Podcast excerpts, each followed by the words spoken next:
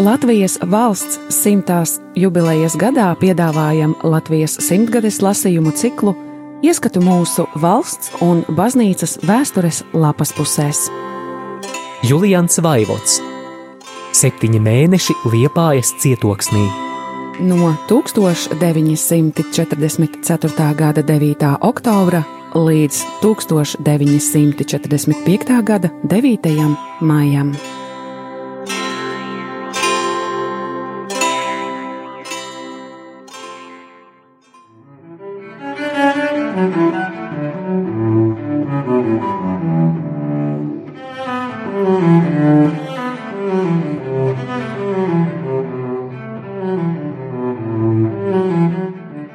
1945. gada 31. janvārī.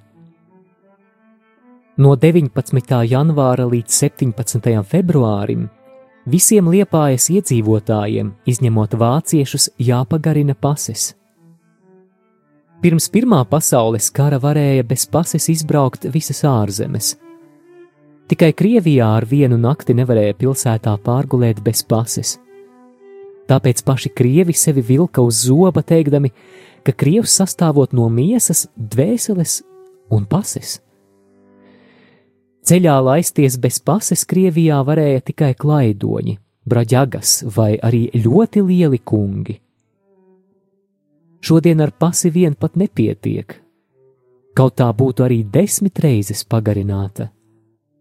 Bez attiecīgas nodarbinātības apliecības un atzīmes par nostrādātām dienām ierakumu darbos, vai atzīmes par atbrīvošanu no tiem ar visu pasi, var tikt tikai iecirknī, un no tā negribot uzsākt garāku ceļojumu.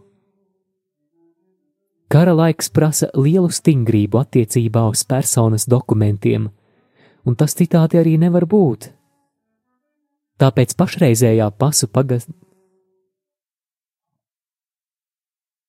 Tāpēc pašreizējā pasu pagarināšana ir sevišķi svarīga procedūra, jo pie tās reizē jāuzrāda pārējie, nemazāk par pasi svarīgie dokumenti, un kam tādu nav, tam pases pagarināšana ir gandrīz neatrisināma problēma. Šinīs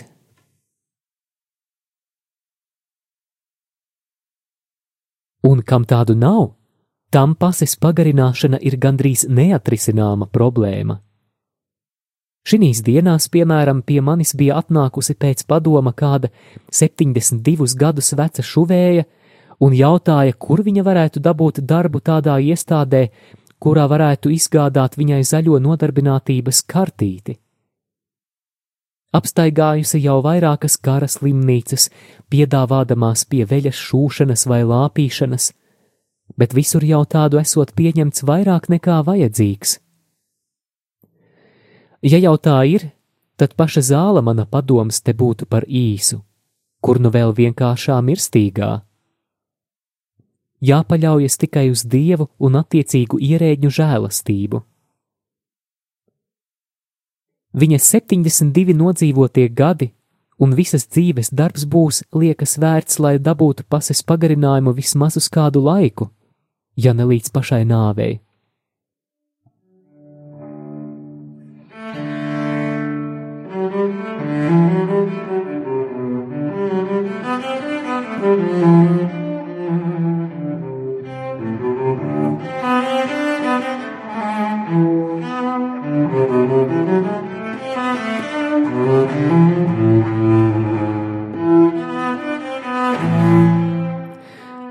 1945. gada 1. februārī. Salam iznāca kā vardei Krilova fabulā, pūtās un auga lielumā, bet šodien pārsprāga pušu. Kūstošais sniegs veļas no jumtiem, un zēni aizelsušies rīko uz ielām veselas sniega kaujas. Tāpēc uzaicinājumu braukt pie slimā uz vēlna ciemu pieņēmu ar prieku jo vairāk tāpēc, ka laiks miglains, tātad arī drošs. Bet, ieraugot ormaņa zirgu, gandrīz nobijos. Raiba, balts ar melnu ķēvīte, pagājušās vasaras teles lielumā un jābrauc līdz krūmu ielas galam gandrīz pie pašas kara ostas. Prasu, kur viņš tādā iedzīvojies, Pēdējā laikā viņam neveicoties.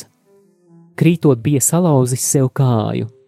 Bombardēšanas laikā Stallī nonāvēts viņa zirgs, un šo nopircis par 500 markām, bet braukt esot laba. Cik nu tāds nabaks var būt labs, sevī nodomāju. Bet jau no pirmajiem soļiem biju spiests savu uzskatu mainīt. Maļiņķī daudz daļiņķī, saka krievi, un tiešām šī mazā ķēvīte tik jautra un kustīga kā sīga atvarā. Garo ceļa gabalu pa jauno tiltu, zemnieku tirgus, raiņa, kalpaka ielām, un tad tikai uz krūmu ielu nobraucām 20 minūtēs. Tas nekas, ka cilvēki smaidīja, redzēdami mazo rikšotāju. Kāda jaunkundze pat iekliedzās savai blakus gājējai, rādīdama, rekur maz sirdziņš.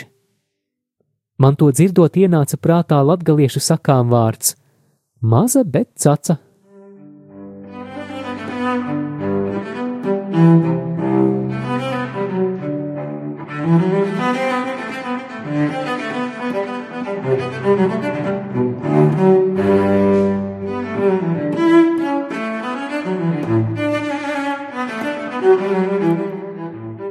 Pašu vēlna ciemu tagad vajadzētu pārkrustīt par nabagu ciemu.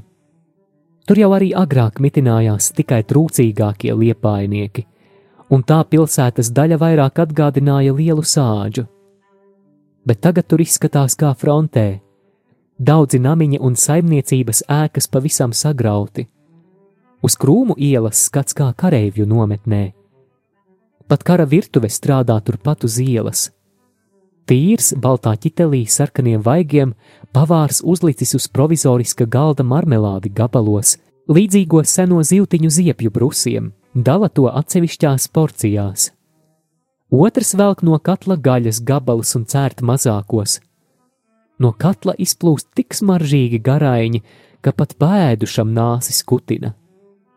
Tāpēc zēni malā stāvēdami siekalas vien rī, uz ķēķi skatīdamies – Tie gan šī brīdī laikam nožēlo, ka viņi vēl nav kareivji.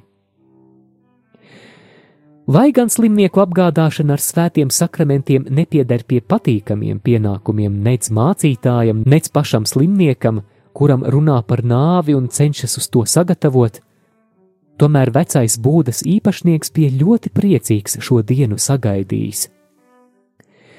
Sen jau gribējis aicināt mācītāju, bet nedrīkstējis to darīt skaidrā laikā. Arī Ormanis, viņa kaimiņš, vēl nejūties ar savu salauzto kāju pietiekami stiprs. Nu tagad viss izdarīts un var posties tālā ceļā. Tas viņu daudz arī neskumdina. Vairāk viņam rūp sievas liktenis un kur pats vēl nomirs, jo viņa būda atrodas starp krūmu un kalpaka ielu un visiem starp šīm divām ielām dzīvojušajiem. Līdz svētdienai vajagot savas dzīves vietas atstāt un pārvākties kur citur. Bet kur un kā pārvākties? Pats slims, sieva veca un palīga neviena. Tomēr tādam, kaut arī mazas zemes un būdas īpašniekam, dažādu krāmu daudz.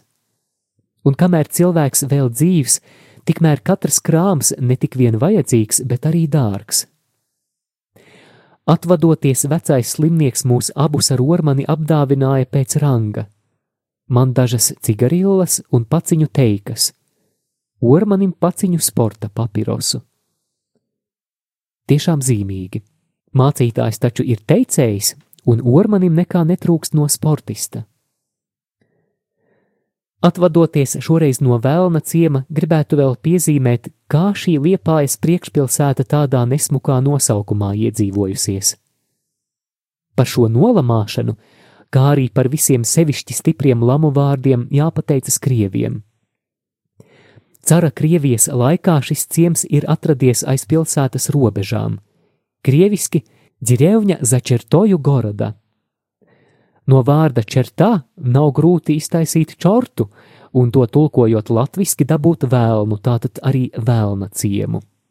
Kāds vecs šī ciema iemītnieks man kādreiz teica, ka pirms Pirmā pasaules kara šis ciems arī pēc būtības bijis īsts vēlnu ciems.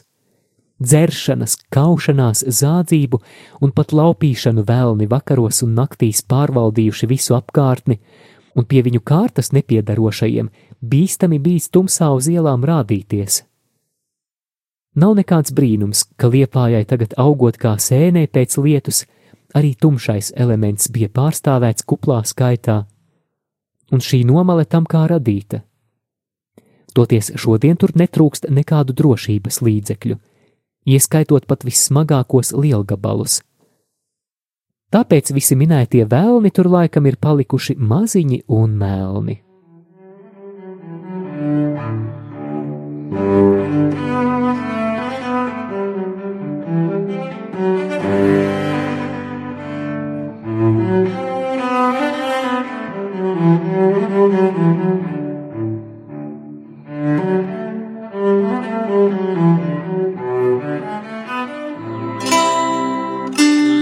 Radio Marija Latvija ēterā Latvijas simtgadēji veltīti lasījumi. Julians Vaivots Septiņi mēneši liepājas cietoksnī.